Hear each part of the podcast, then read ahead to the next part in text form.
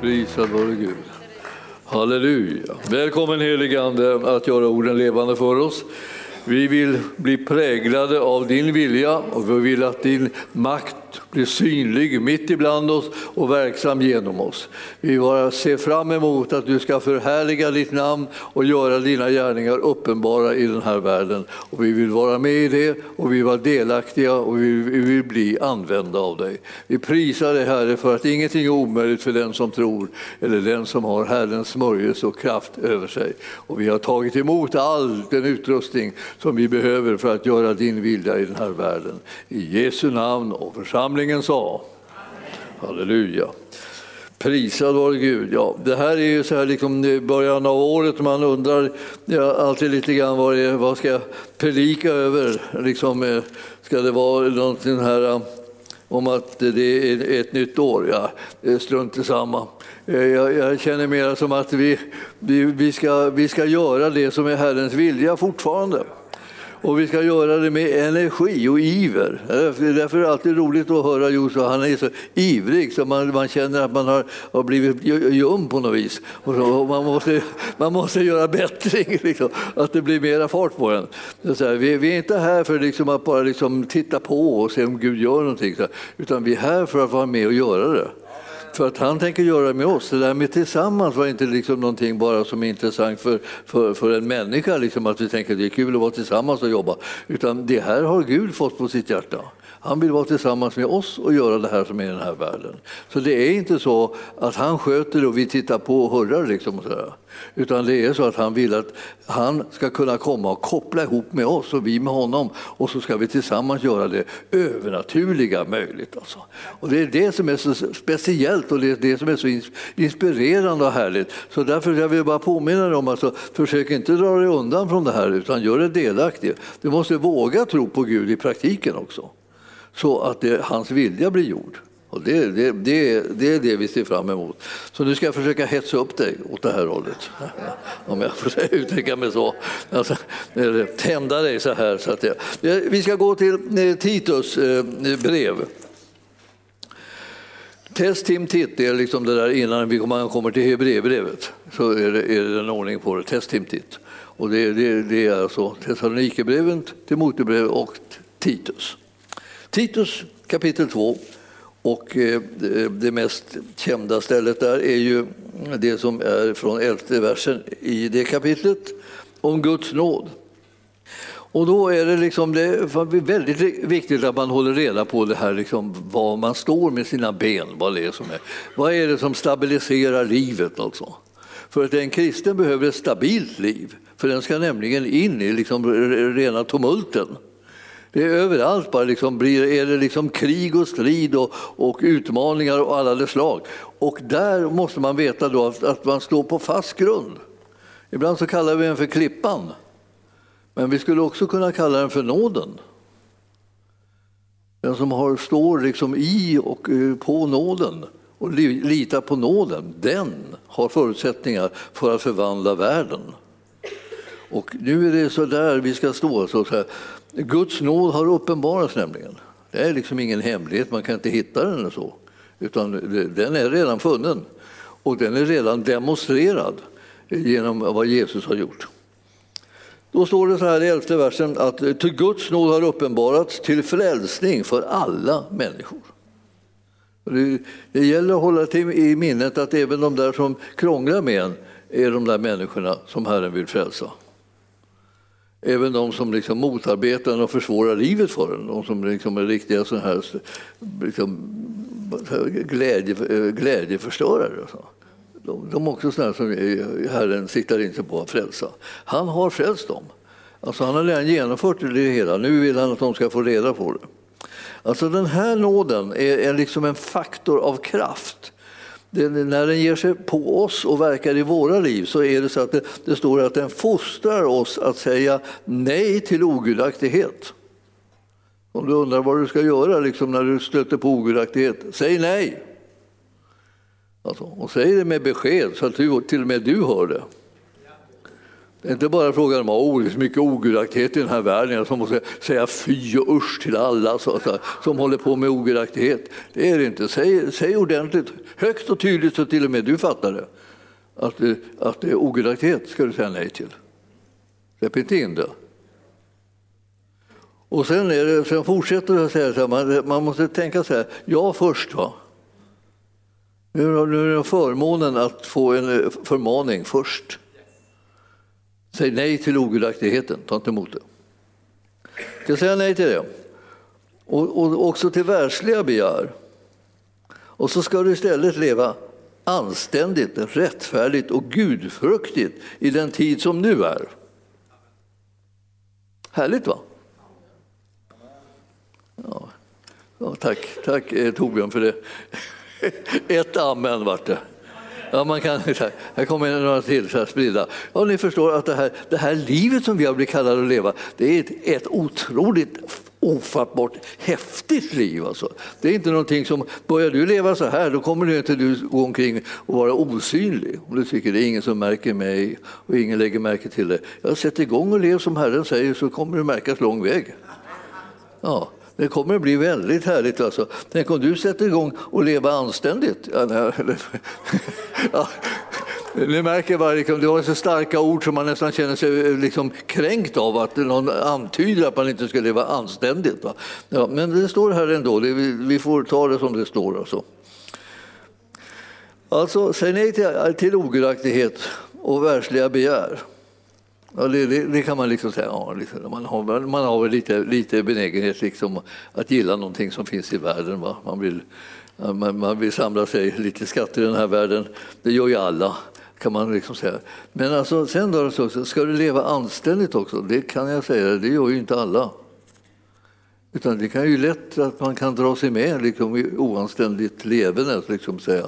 felaktigt levande på alla möjliga plan. Alltså, ska, du ska alltså leva anständigt, du ska leva rättfärdigt och gudfruktigt alltså i den här tiden som eh, nu är. Det är nu som är tiden inne för att leva på det här sättet. Det här, kommer, det här kommer inte att göra dig frälst. Det här är ett uppdrag för de som är frälsta. Frälst blir man av nåd, alltså gratis. Ingen, inte på grund av egen prestation, utan på grund av Herrens gärning. Men då, sen, när man har blivit frälst, ska man leva anständigt, rättfärdigt, gudfruktigt och så. Så det är inte så här, ja, vad ska man göra nu? Jag är inte så, vet, jag vet inte, jag, jag söker Herren för det.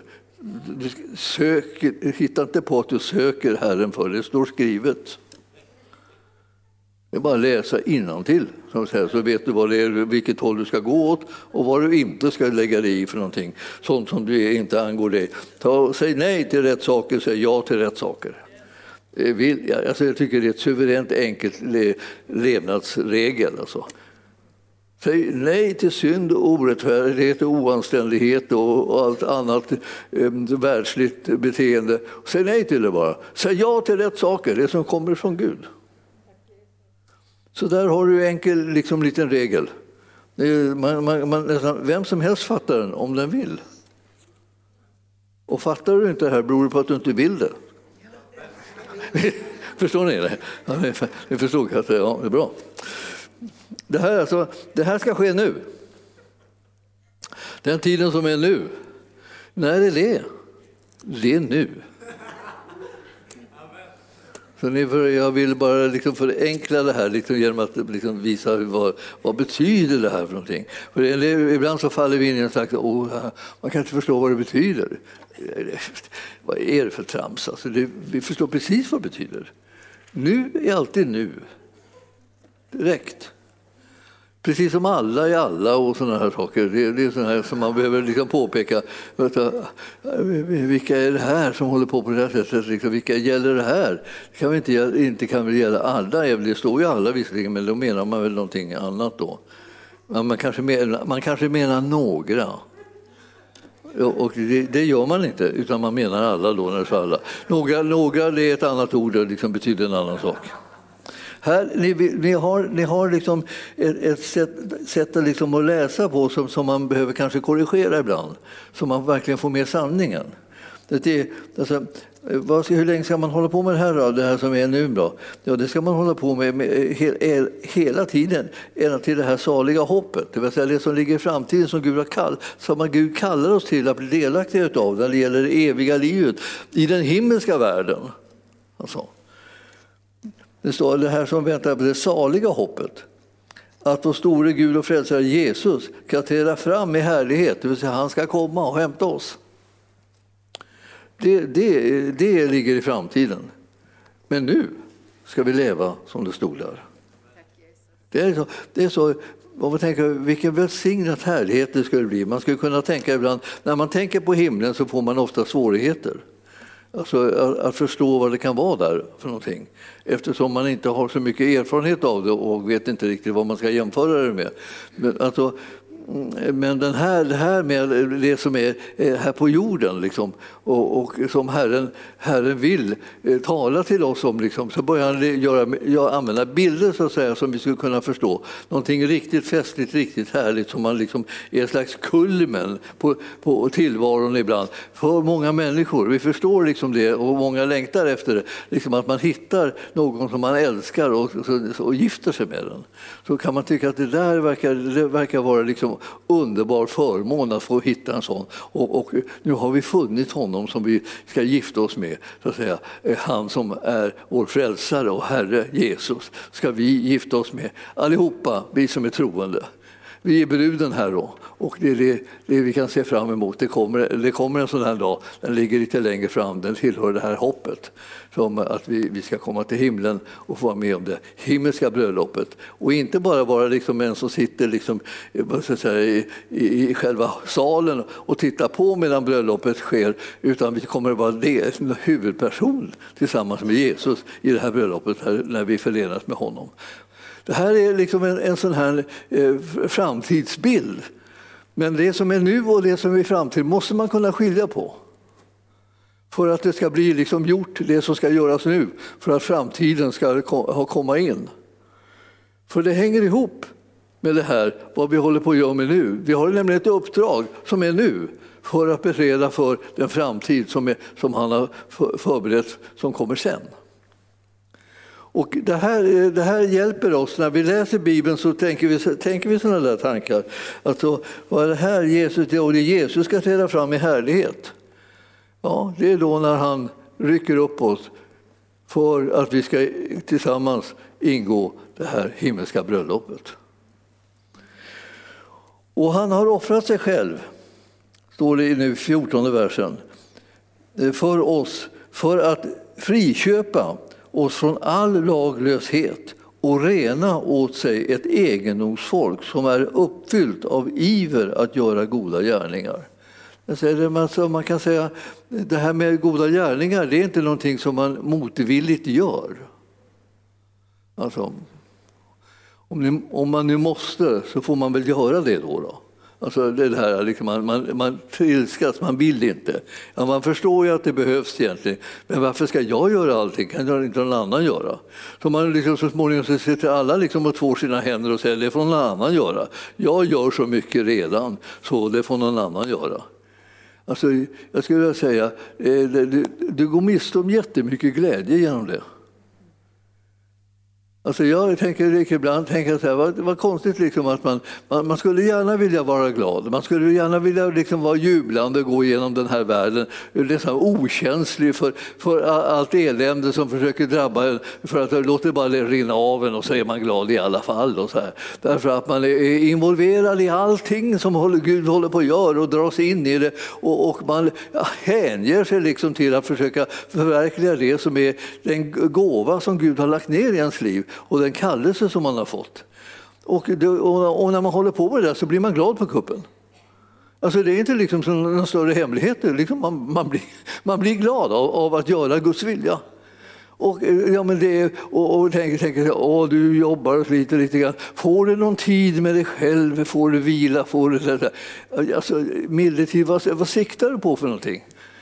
Jag siktar inte på liksom att få någon tid med mig själv att vila, vila, vila. Det är inte det som är själva huvudsaken. Huvudsaken är ju det att jag får förmånen att göra det som är Herrens vilja för att främja hans rike. Och det är det som är den stora glädjekällan. När man vågar se på att gå in i det och, och, och låter det kosta någonting för en i livet så kommer man bli rik på det här som är glädje. Jag tänker, ja, du kanske tänker så här, kan det vara sant? Är det, bara, det är bara ett trick nu för att man ska hamna, hamna i liksom någon slags arbetsvillighet, så här, står till förfogande hela tiden. Ja, det, det, saken är den att det här är sanningen. När man hänger sig till det som man har fått för, att förvalta i Guds rike så ger det en stor glädje. Det är många av er som vet det precis. För ni har gjort det. Och, och, och, många andra sitter och undrar på varför, varför glädjen liksom lyser med sin frånvaro och tycker liksom att det här är eländigt. Och så här. Här, här, här går man och hör på predikningar som man nästan storknar och ändå känner man sig inte glad. Ja, det är inte genom att lyssna på dem som man känner det, genom att leva det livet som Herren säger att du har fått. Ta in, ta, inta landet alltså. Det är givet till dig för att din glädje ska bli fullkomlig kan be om alla möjliga saker. Och han ger det gärna för att din glädje ska bli fullkomlig. Tack Jesus. Jag har hittat de här bibelställena. Va? Jag menar, de är bra. De, man, det är till och med där som man samlar på. Man har liksom lite självbevarelsedrift. Samlar man, samlar man på underbara bibelställen som beskriver hur livet kan bli och vad livet innehåller som vi har fått i gåva från Jesus. Alldeles gratis.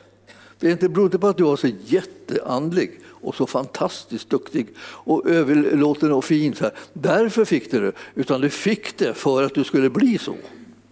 Det vill säga, han gjorde det till det.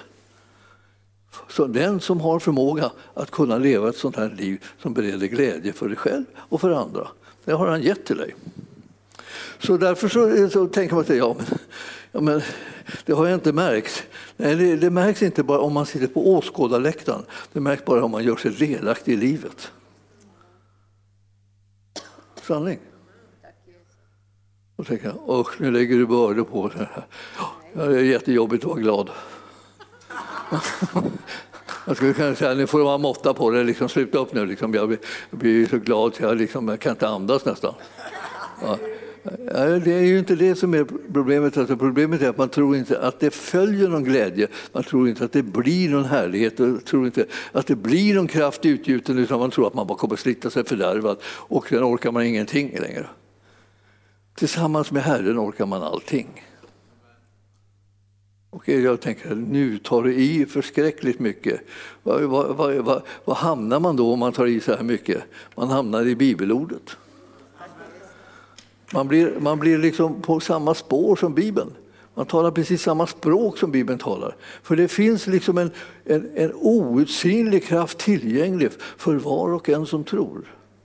Och om du inte får tag i den så blir nästan allt möjligt som skulle kunna bli härligt jättetungt och problematiskt och, eh, och eh, tär på dig. Så att du nästan tänker så här, jag orkar inte med. Det är för mycket grejer hela tiden. Det är bara massor med verksamhet. Ja, man kan göra så att säga, saker och ting som är, som är en välsignelse till en verksamhet. Det kan man. Det går att använda det, bruka det på det sättet så man förstör det. Istället för att man låter det vara så som Herren hade tänkt det. Och då blir det liksom en kraft och, och härlighet som kommer en till del som gör att man förmår långt utöver det som är ens personliga gränser. Han är hans gränser som, som, ska, som blir verklighet då. Och de verkar man inte hitta de där gränserna. Hans smörjelse och hans kraft som kommer över oss då gör oss att vi kan göra långt utöver allt vad vi kan bedja eller tänka. Liksom. Alltså Herren är liksom en fenomenal partner i det här livet. Du ska inte liksom börja, börja, inte prata om ditt liv utan honom, utan prata alltid om ditt liv med honom. Det är väldigt viktigt, för att annars så kommer vi ta slut på ett kick. För här är, det, här är den här branschen där vi gör det som det alltså omöjliga möjligt, med hans kraft. Inte med din brist, utan med hans kraft. Ja. Det där lilla stycket där. Eh, här, nu, nu, ska jag ta, nu tar jag någonting som, eh, till, till mitt eget försvar nu när jag har pratat med er på det här sättet och när ni har tyckt att det här var det jobbigaste, ska det inte bli någon glädjestund här någonstans. Då, då ska vi här, nästa vers, femtonde versen, ser ni där, ser ni där, ser ni där. Mm. Så ska du tala Förmana och tillrättavisa med allt eftertryck. Låt ingen se ner på dig. Jag vägrar, ni får inte se ner på mig. Alltså, jag, kommer, jag talar så här och ni kan inte se ner på mig. Alltså. Ni kommer, ni kommer inte liksom hysa någon slags förakt för mig bara för att jag säger sanningen. Ni kommer bli glada på kuppen om ni gör som jag säger. För det här är det som Herren vill ha sagt. Väldigt, väldigt kul att han kan tänka sig att han inte har gett upp om oss än, ännu i alla fall. Jag menar, han, han tänker att jag kan få fart på dem och de kommer att bli glada om de bara liksom tar det här på rätt sätt. Alla har möjlighet också att bli sura. Ska jag, säga. jag ska säga det, den möjligheten finns. Man kan, man kan bli sur, man kan bli tvärsur på saker och ting, man kan bli så arg på, på sånt som är bra så att man helt enkelt bara storknar nästan. Det, finns, det står öppet alltså. Men mitt råd är, ta det inte. Stå emot det istället. Liksom. Säg nej till det. Och så säger du ja till det där som är bra istället, så kommer du märka att livet kan bli helt annorlunda. Alltså det, är, det är konstigt varför man kan säga, ja men så där får man väl inte säga till mig. Får man inte det? Vad ska det, hur ska det då kunna bli någon ordning på ditt liv om man inte får säga till dig att det finns en glädje för dig som kommer att övergå ditt förstånd, som kommer att göra att ditt liv blir rikt och härligt och lätt och så. Får man inte säga det till dig? Eh, eh, vad, vad, vad ska man säga då? Bara, liksom, bara sura på bara, liksom. det är fritt fram. Liksom. Tjong. kritisera alltihop och, liksom, och, och, och, och, säg nej till allting som är, som är bra och, och säg ja till eländet. Det, det går.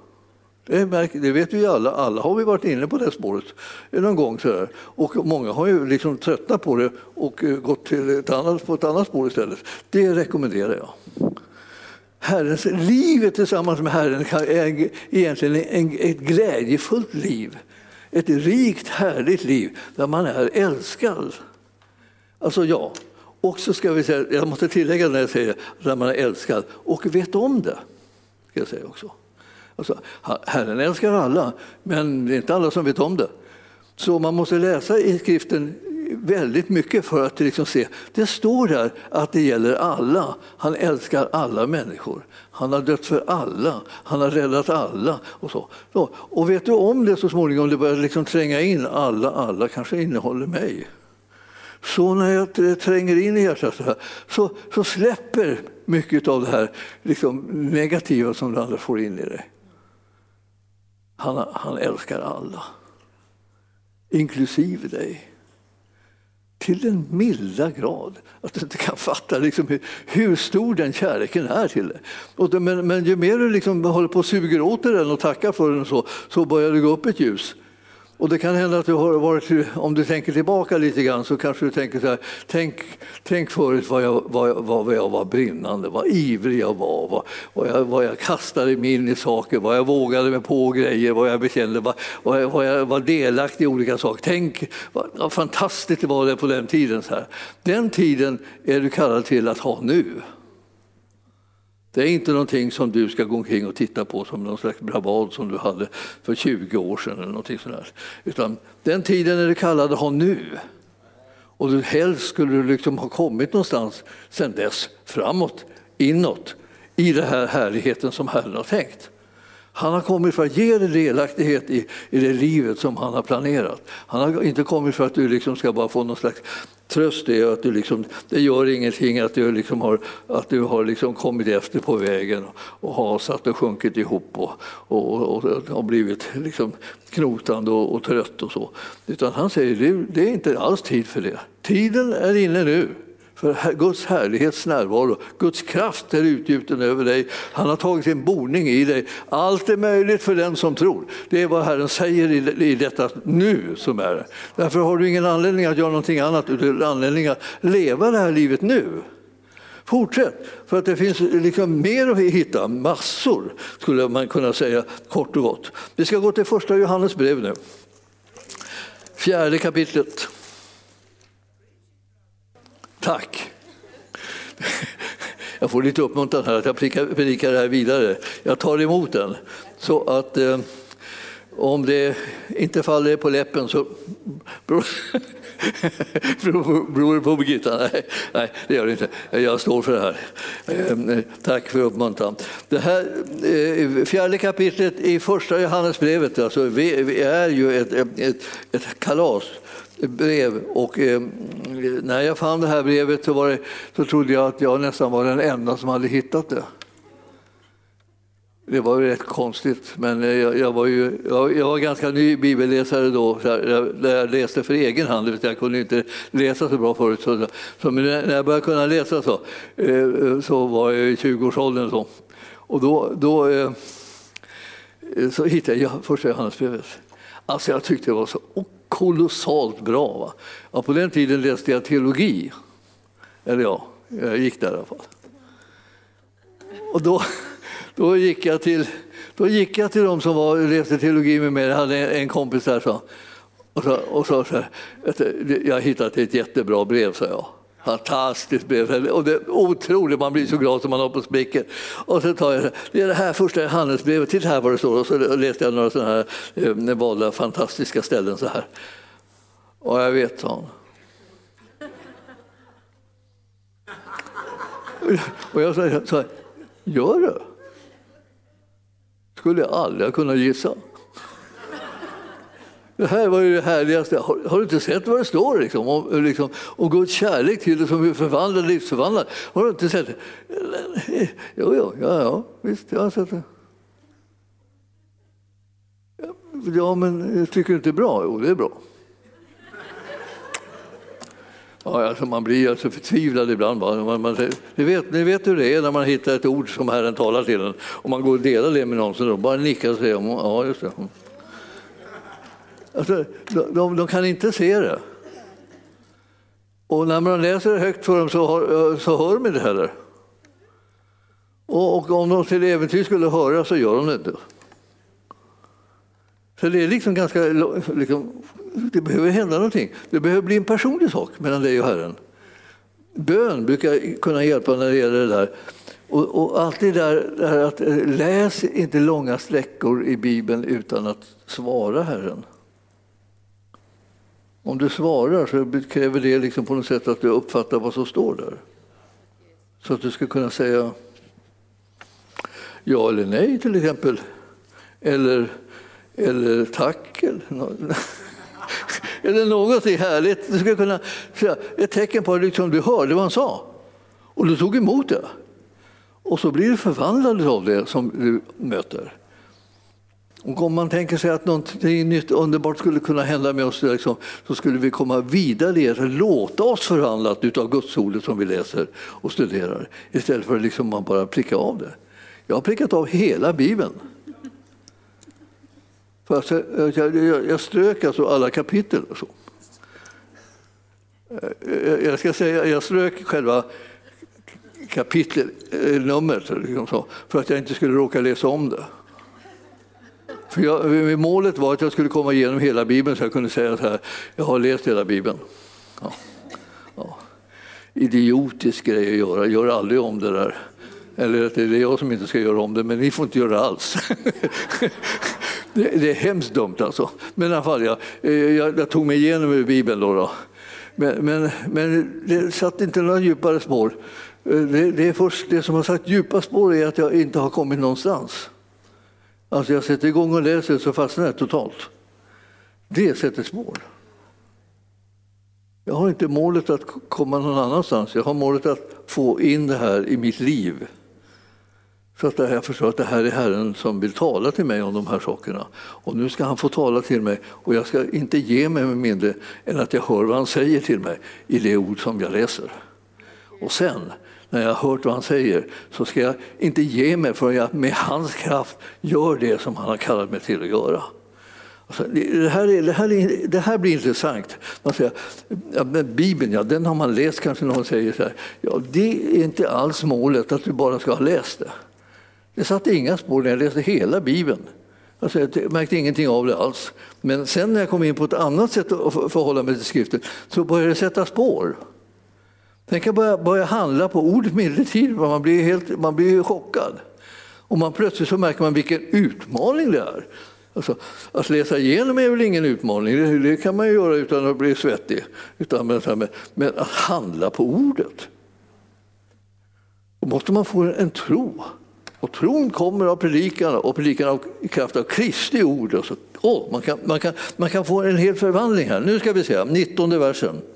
Vi älskar, nu kommer det till någonting om vad vi gör, vi älskar. Om du undrar varför du älskar så mycket så är det här svaret som kommer här nu. Då. Vi älskar därför att han först har älskat oss. Den ordningen är det. Du älskar inte om du inte har kommit på att han först har älskat dig. Då håller du på med någon slags e-, egotripp mer. Så. Men det här alltså, som gör att man kan älska, det vill säga sätta någon annan före sig själv i olika situationer. Man kan ju gott och säga, kan vi inte märka att vi, många av oss inte gör det? Jo, det kan vi märka. Man skulle kunna säga det, om man tittar på vem som helst så kan man alltid hitta många olika sådana tillfällen då den personen inte gör det. Men om man, om man tittar nu efter det andra, nämligen man ska se om det finns någon som eh, blir driven av kärlek och gör Herrens vilja eller välsignar en annan människa, ja då kan man se att det är många som gör det också. Alltså vi är inte alls färdiga med det, det är bara det att vi, vi håller på att lära oss. Men man måste låta hans kärlek drabba en först för att man ska komma in i någonting annat än bara att försöka själv bli älskad. Alla vill ju ha kärlek. Det är värre med det här att ge bort den utan att, det liksom, att man får någonting igen eller att det lönar sig. Eller någonting där. Det, det, det är mer knepigt. Men alltså, Herren vill att du ska, du ska vara en mottagare först av hans kärlek som är alldeles oförtjänt. Liksom. Och när du tar emot den kärleken, då får du rätt drivkraft till att leva ett kristet liv. Jag har sagt det jättemånga gånger. Ett kristet liv känner man på igen på att det är drivet av kärlek. Något annat kallar vi inte för kristet liv. Det är bara, det är bara liv. Det är bara liksom lite, ett litet själviskt liv, ett litet, ett litet liv där man gör sig själv märkvärdig eller söker beundran av alla eller, eller någonting. Eller så är det sånt att man bara utnyttjar folk eller vad du vill. Det, det är inte kristet liv. Kristet liv är drivet av kärlek. Alltså måste det börja med att du är älskad av Gud och märker det, tar emot det och då förändras du så att du börjar kunna bli lite gratis i ditt, i ditt handlande. Alltså, inte när du inte har en massa räkningar som du skickar till folk sen för att nu har jag gjort det här för dig, jag ställde upp för dig, du vet. Jag ställde upp för dig, jag ställde upp för dig och ställde upp för dig. Och jag har ställt upp för så mycket folk så att liksom, nu är det dags för dem att ställa upp för mig. Det, det, det, det är byteshandel. Kärlek är gratis. Man får gratis från Herren gränslös kärlek som man kan ge, har råd att ge gratis. Det är kristet liv. Och därför så kan det hända så fantastiskt mycket med, med en människa som, som lär känna den kärlek som Gud älskar med. Alltså det kan bli en sån förvandling av den så att den känner inte igen sig själv. Jag menar, den, den har, här har de satsat på sig själv helt och hållet hela tiden och kämpat med att den ska få någon utrymme och få någon uppmärksamhet och få någon, få någon beundran och så här. Och, och, så. och så visar det sig liksom att, att när Herren kommer och älskar en så blir man fullständigt gratis. och slutar man upp och hålla på med det, då ger man bara bort liksom, eh, till andra den, av den kärlek som man har fått istället. Vilket egendomligt alltså. Och nu ska man säga, nu ville man ju och önska att det skulle vara hundraprocentigt. Men det är det ju inte hos någon. Utan det är, vi har lite skvättar här och där som vi dela ut. Stunder då vi liksom blir påminda om den kärlek som Herren har till oss och därför så börjar vi kunna eh, dela med oss till andra och ge av det. Men, men, och sen så glömmer vi det igen och så är vi ute och jagar efter någonting och så, och, och så kommer vi tillbaka och så hamnar vi på spåret och så håller vi på så här. Ja, det är klart. Eh, men det här kan man växa till i och utvecklas i efterhand. Men jag vill säga till er, eh, där går vägen. Det är så mer det ska jag säga. Det finns ingen av oss som är, liksom, som är perfekt. Jag gör det, så där gör jag alltid. Eller så där. Den finns inte. Men allihopa är vi alltid älskade av Herren. Och det finns alltid möjlighet att upptäcka den kärleken så att du får rätt drivkraft i ditt liv. Och när du kommer in på det spåret, då är du på rätt spår. Då kommer glädjen, då kommer kraften, då kommer tillfredsställelsen, då kommer kärleken så att säga, i ditt eget liv att lossna ut till både Herren och till människorna. Det är fantastiskt liksom att, det här, att Gud kan göra sånt under med människor. Hur, hur fina de blir när de upptäcker att de är älskade. Hur jobbiga de blir när de inte har upptäckt det. Eller hur? Vi känner igen det. Ibland så har vi sett oss själva i spegeln och ibland har vi sett andra, hur de ser ut. Ibland tycker vi liksom det är vi, vi har en profetisk gåva. Jag ser hur andra brister. Åh, vad mycket brister de har. Oh, fantastisk profetisk gåva. Det är, det, är, det är någon sån här profetia som kommer från djävulen. Han, det är hans konster liksom, att genomskåda folks svagheter och anklaga dem för det. Men Gud, han älskar människor och befriar dem från liksom, den här lagens domar över deras liv så att de kan bli annorlunda. De kan bli förlåtna, de kan bli försonade, de kan bli upprättade, de kan bli hjälpta och så kan de bli älskande så att säga, på det sättet som han älskar, gratis nämligen. Visst är det, vilken, vilken herre vi har. Fantastisk är han alltså. Och om någon säger, nu ska vi titta i 20 versen, det kommer liksom en liten, liten knorr på det där. Om någon säger att han älskar Gud och hatar sin broder så är han en lögnare. Ja, det, det kan man nästan förstå. Men det är inte säkert att man vill liksom förstå just det, för att man tänker att vissa är väl ändå förtjänta att eh, hata lite grann. Eller hata är så starkt ord. Man kan, säga, man kan känna sig lite kritisk mot en del. Det, det är som ett, sån här, ett, ett sån här minimiuttalande om, om att man hatar. Alltså.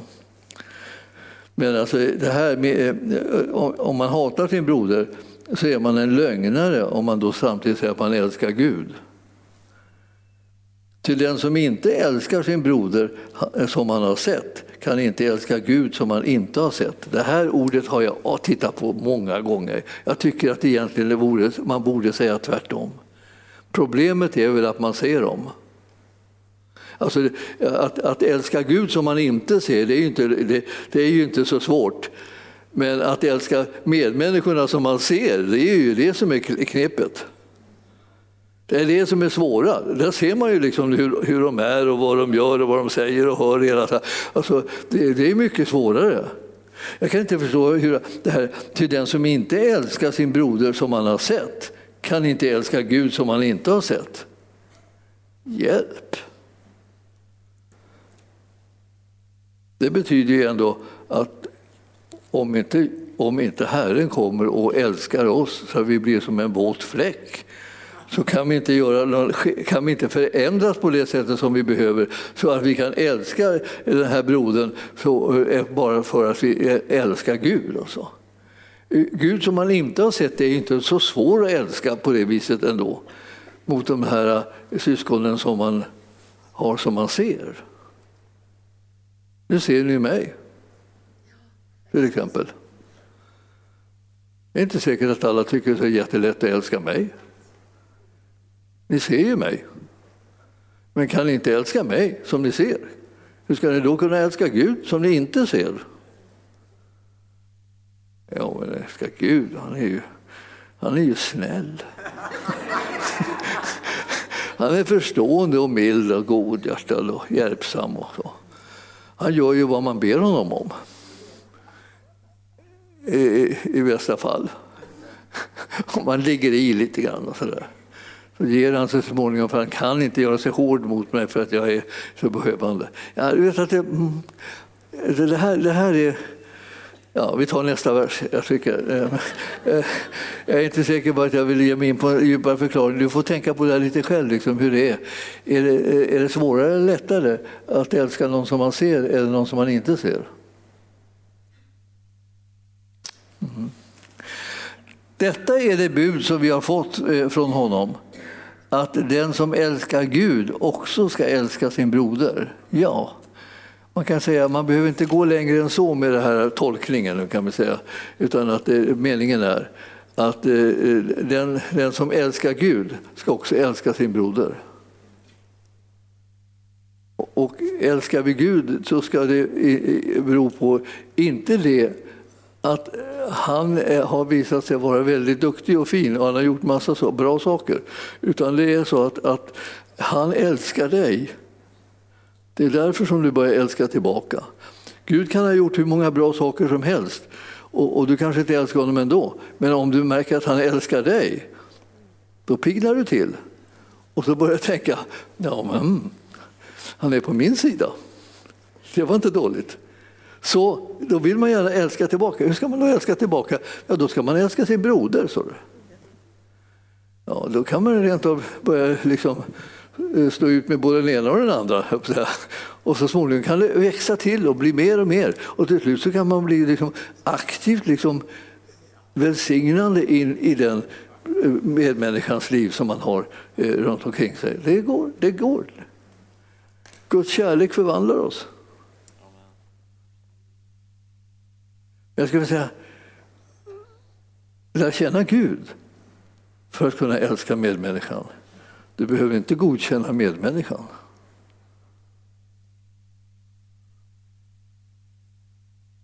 Var någon som hörde? Hörde, hörde ni det? Alltså om du håller på att försöka, försöka godkänna människor då? Alltså, det, det, det, är egentligen det jobbigaste man håller på med. Det, det är en återvändsgränd. Du ska, du ska lära känna Gud och den kärlek som han har till dig. Då kan du öppna sig för kärlek till medmänniskan och inte liksom bara kritik. Tänka, ja, jag ser, jag ser hur den är, jag ser vad han gör, jag förstår. Jag verkar, jag verkar en dålig attityd då och säger hemska saker och, och är och sånt. Ja, men det är ingen idé att liksom dra, dra in det, därför att Gud, när han älskar, håller inte på att dra upp alla, alla avigsidor, utan han älskar dem så att de förändras. Så att de tar emot förlåtelse, så de gör upp med saker. Så att de ber om förlåtelse till andra människor. Hela deras livsstil ändras därför att hans kärlek når, når dem. Det är livsförvandlande. Så vi är liksom på jakt efter Guds kärlek. Jag vill bara säga det, titta åt rätt håll. Tänk på rätt sak. Håll inte på och väg människor hela tiden. För du, var du än är så är det massa människor som inte skulle duga e-, efter dina mått mätt. Och eh, det är ingen idé att hålla på med det där.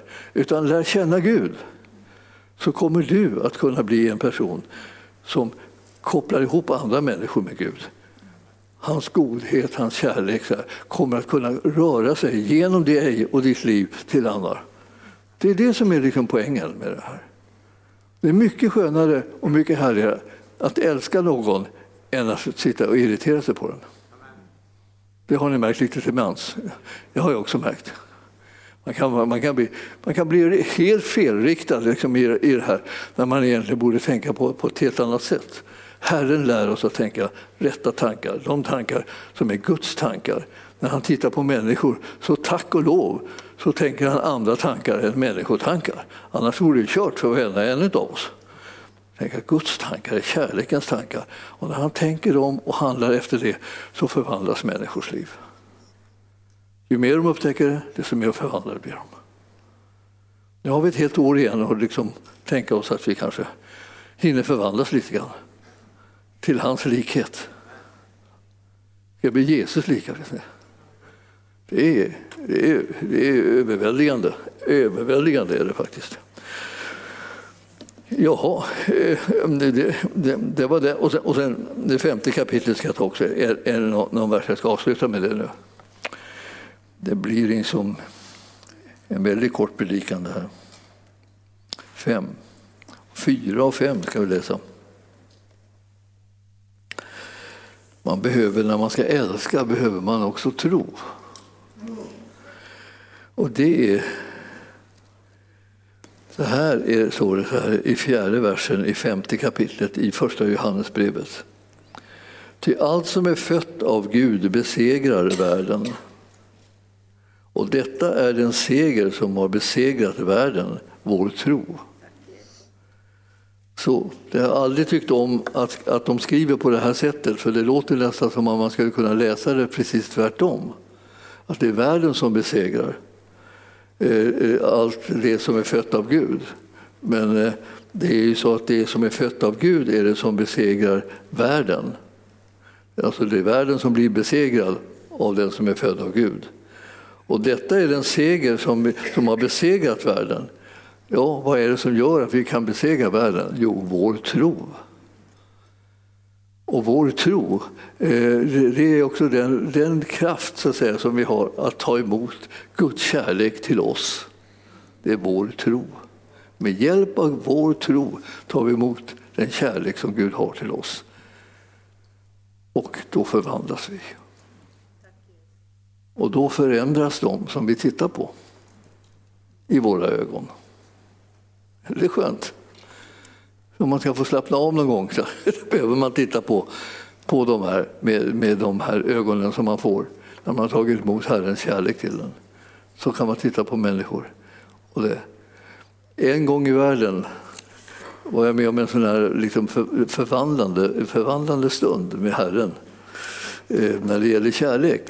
Alltså han mötte mig med sin kärlek. Alltså jag såg den, vill säga. Och kände av den. Och alla de här människorna som hade irriterat mig så jättemycket genom alla tider som jag haft synpunkter på hur de var och allt det här, de försvann. Alltså, jag kunde inte hitta dem längre.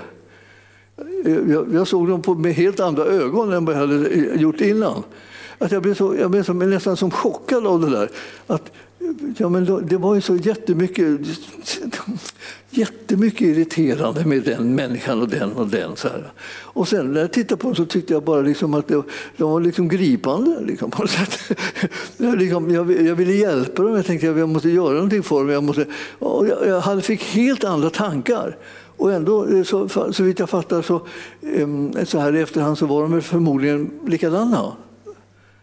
Eh, men jag kunde vara med och bidra till att de förvandlades. För ni vet att när man får en konfrontation, då låser man sig. Alltså det, är, det, det, det blir liksom, det som förvärrar hela situationen. Man, man låser sig, någon attackerar och man attackerar tillbaka. Så står man där. Och så, och så kommer man inte ifrån varandra. Liksom, man blir negativt kopplad till varandra och man håller på. Och man ältar, man kanske ligger på nätterna ilsken och tänker på hur, hur många fel och brister den har. Och jättejobbig människa. Det är ju inte alls Guds attityd ska jag säga. Om du tycker att du har rätt så har du fel. Och, och, och det här, utan den, du, har, du har blivit kallad att älska som han eftersom han har älskat dig först. Det finns ingen anledning att säga att det, det kan inte jag. Därför att det kan du visst, därför att han har älskat dig så mycket så att du har blivit förvandlad. Det är med hans förvandlande kärlek som du ska möta människorna nu och inte med den här som du hade när du inte visste vem han var och inte visste hur mycket han älskade dig. Då blev du som en liten russin. När det egentligen skulle vara en härlig, saftig, tjock vindruva. Jättedålig bild, men i alla fall. Man får, man, man får ta det som dyker upp. Det kan hända att det betyder någonting för någon att, liksom, att, att ni blir påminda om det när ni stöter på russin. Så, då tänker ni så här, nej, säger jag säger nej till det var, vara russin. Jag tänker inte vara någon russin, jag tänker vara liksom en, en, en, en fruktbar, stor, härlig vindruva som, som är, inte har torkat in på något vis och, och surat till. Nej. Ja, det var, det var en konstig slut på den här predikan. Jag, men jag slutar nu för nu verkar jag verkar som jag kanske spårar ur annars så att det blir, blir för många konstiga bilder. Himmelske Fader, då ber jag att du ska verkligen bara dränka oss i din kärlek. Vi behöver se mer av den, vi behöver känna av den, vi behöver märkas av den, vi behöver uppfyllas av den och genomsköljas av den så att vi kan se varandra så som du ser oss med den kärlek och den godhet och den eh, eh, frikostighet som du har. Herre, vi prisar dig för att du har har sån tålamod med oss och att du har sån förvandlande kärlek att bjuda på så att vi när vi kommer tillsammans med dig Herre så vågar vi bli annorlunda och vi vågar också eh, älska andra människor och ha tro för att de också ska bli förvandlade och bli mer och mer lika dig. Vi tackar dig Herre för att du gör under bland oss. Det här året ska bli ett år då vi verkligen får leva det livet som du har planerat och det som du har tänkt ut. Och vi ska säga nej till allt det som är dåligt och, och som bara kommer från mörkret och vi ska säga ja till allt det här underbara som kommer från dig och hela den kärlek som du har till oss så att vi kan vara med och förvandla den här världen. I Jesu namn och församlingen sa. Halleluja, tack Jesus.